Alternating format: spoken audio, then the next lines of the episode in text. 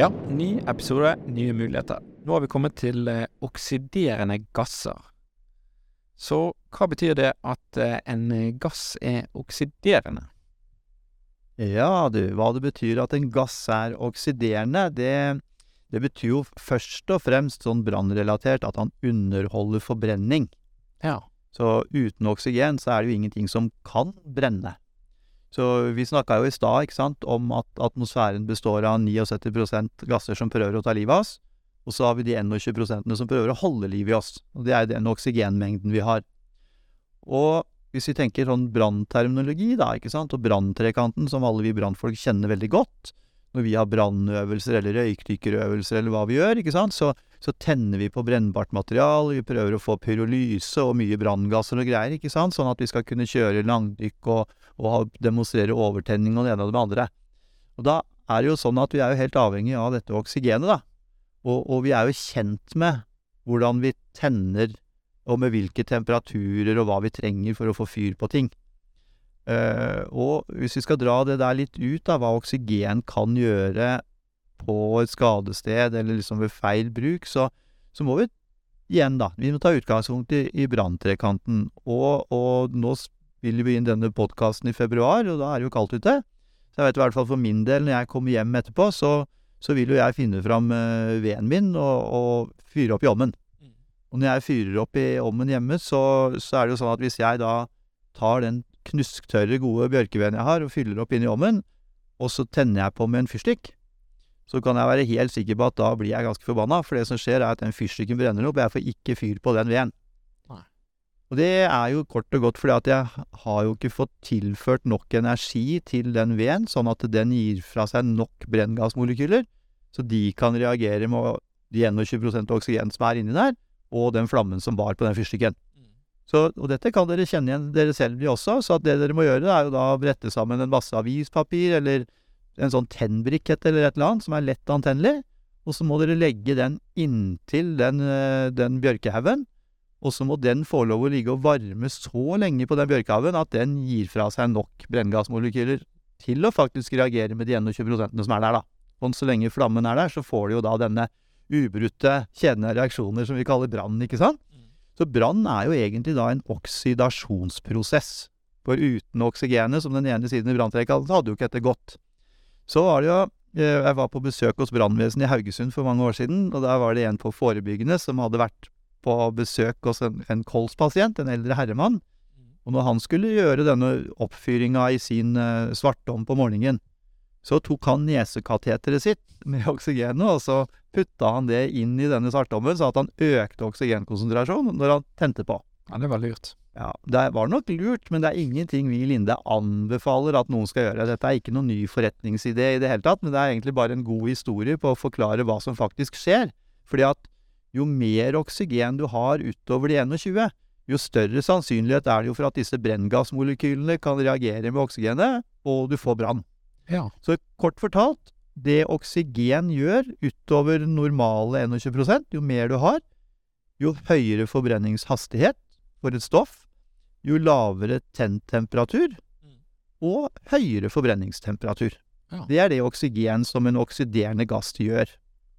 Du har Innenfor oksiderende så har du på en måte oksygen og lystgass og Så hva andre typer gasser er det som er oksiderende? Altså, vi, det letteste er å snakke om ren oksygen, for det er det som brukes til sveising og skjæring og varming og fiskeoppdrett og sjukehus og alt som er, ikke sant? Men, Mm.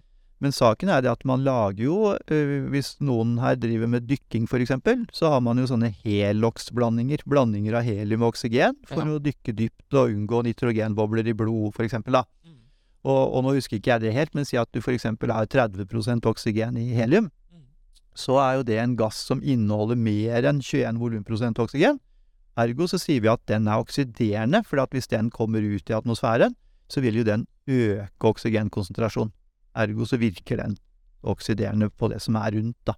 Så kan du også si at det at noe er oksiderende, ja, det underholder rustprosesser. Eh, du kunne ikke hatt kompostbinge hvis ikke du hadde oksygen, for det er ingenting som hadde råtna. Eh, og, og type sånn eh, korrosjon og, og, og irring og så videre, ikke sant. Det er typisk fordi at man har oksygen, da. Så det er liksom bakgrunnen for stoffet. Ja. Altså, hvordan gjenkjenner vi det her med oksygen, altså at det for eksempel er for mye eller er for lite? Eh, kjenner vi det, eller kan vi lukte det, eller altså ikke dette luktfritt? Ja, det er det, er det samme, samme, gode spørsmålet som du hadde i Sveivind. Det er jo nettopp det at siden det er en bestanddel i lufta, så kjenner vi det ikke på noen som helst måte. Og, og, det er ikke sånn at hvis det er f.eks. 50% oksygen i atmosfæren, da, og så lukter du det ikke, men du, du, merker det heller ikke på at du blir mer oppstemt eller eh, sånn type ting heller, fordi at kroppen vår har det oksygenopptaket han har. Mm. Så uansett hvor mye oksygen det er i atmosfæren rundt deg, så du blir ikke noe sprekere eller noe som helst. Er, ting er som, som før, da. Så, så, det er ingen eh, annen måte å på en måte detektere oksygenet på enn det å måle med oksygendetektor. Ja. Hvordan håndterer vi dette her, da? Nei, kan du si på et skadested, hvis du kommer fram og du har fått bekrefta at det er oksygenlekkasje, mm. så er det fram med oksygendetektor mm. og måle, da.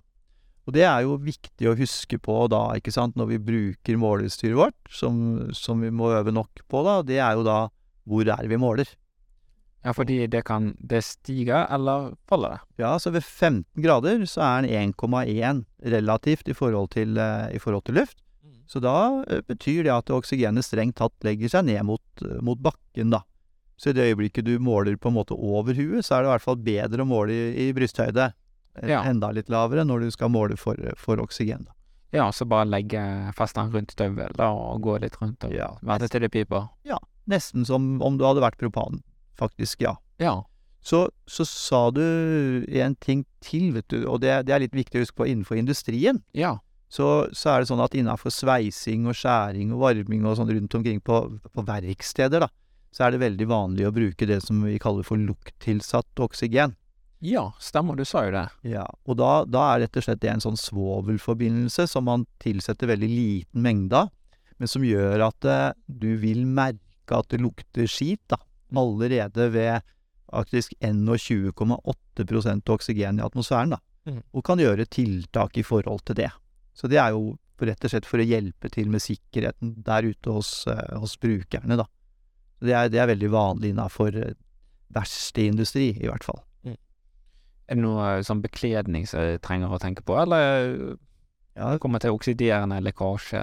Sånn, ja. Veldig, veldig bra spørsmål, fordi at én ting er jo oksygen i forhold til antennbarhet og brennbarhet og sånn som sådan, men det skumle her er jo at siden vi ikke merker noe, mm. så kan vi jo komme inn i områder hvor det har vært, eller er, oksygenansamlinger. Mm. Og så blir klærne våre metta med konsentrasjoner langt utover 21 Hva mener du med klær? Ja, så at du Normalt sett, ikke sant, så vil jo vevinga i tekstilet, de klærne du har på deg, ja. det er jo luft. Mm. Uh, og da er det jo 21 oksygen i klærne dine, da. Satt på spissen, da. Uh, og hvis du da trer inn i et område hvor det eksempel er 50 oksygen, da. Som jeg sa i stad, du merker jo ikke noe. Nei, nei. Og så blir jo klærne dine da på en måte metta med den mengden istedenfor. Det betyr jo ut fra hva vi snakka om branntrekanten, at du er jo mye mer antennbar. Og hvis du først tar fyr, så brenner du veldig lett. Og dessverre så har det jo vært noen sånne hendelser opp gjennom tida, og uh, det, altså for eksempel fiskeoppdrettsbransjen, som vi var innom i første episode, der bruker man jo store mengder med oksygen så fyller man jo oksygen opp i disse store, kall det svømmebassengene, da, disse merdene deres. Eh, og det er jo kjempefint, så lenge det er vann og fisk i det. Men så har det skjedd at et sånt kar har blitt tømt for fisk og vann, og så gjør man varme arbeider oppi der, eller gjørent eller et eller annet. Og så har det da uh, vært tilfeller hvor det vi kaller for nødoksygenering, det har stått på. Og så fylles karet da med oksygen. Ja, så det vil ikke forsvinne, så det vil bare legge seg. Det er jo bare liggende der. Det er som jeg sa, ikke sant. Tenk ja. på oksygen som vann. Mm. Så alle gasser som er tyngre enn luft, tenk på det som vann. Så her fylles jo karet med oksygen, og, og, det er jo da ingen forvarsel. Ingenting. Uh, og, og dette har skjedd i to tilfeller som jeg kommer på nå. Og det ene tilfellet, så når denne damen som vaska karet var ferdig, så tente hun seg en røyk. Pang. Ja, ikke pang. Eller Det blir en så hurtig forbrenning, da, at det blir jo stygge brannskader over hele kroppen. Og hun hadde klart å komme seg til en, til en dusj etter hvert, men, men hun har jo aldri kommet tilbake i arbeid. Ja. Og, og et annet uh, tilfelle så var det en som starta en vinkelsliper, og han oppdaga at det begynte å brenne ved bena hans. Og etter hvert så brant det bare heftigere og heftigere, men han hadde flaks for han hadde en kollega som, som sto oppå gangbrua og kunne åpne en vannkran, så han kunne stelle seg under friskt vann og få slokka kjølt dette med en gang, da. Og, og dette er jo, eh, skal vi si, veldig, veldig triste hendelser som aldri skulle ha skjedd, men hvorfor de nevnes her, er jo at dere som brannfolk bare ha det som en sånn huskegreie at hvis dere, mot all formodning, skulle komme ut for en stor oksygenlekkasje en gang, da, så vil ikke vernebekledningen deres hjelpe dere i det hele tatt. Den blir metta på akkurat samme måte, om det er aldri så mye Nomex osv., og, så videre, og, og når du da har fått 40-50% oksygen i de klærne, så, så holder det altså med en gnist eller en sigarettglo eller et eller annet, og så brenner dere som en fakkel. Det, dere skal aldri inn i et skadeområde hvor det er mer enn 25 oksygen. Det er bare å trekke ut og begynne å lufte, og prøve å lufte. Ja. Holde avstand. Ja.